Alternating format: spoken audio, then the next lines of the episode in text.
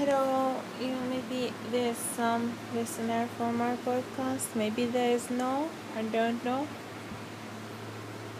But i'm just going to say i'm still making mistakes or i'm just learning for this app um, i don't have a lot of free time to practice but I do all my best and I want to make a very good product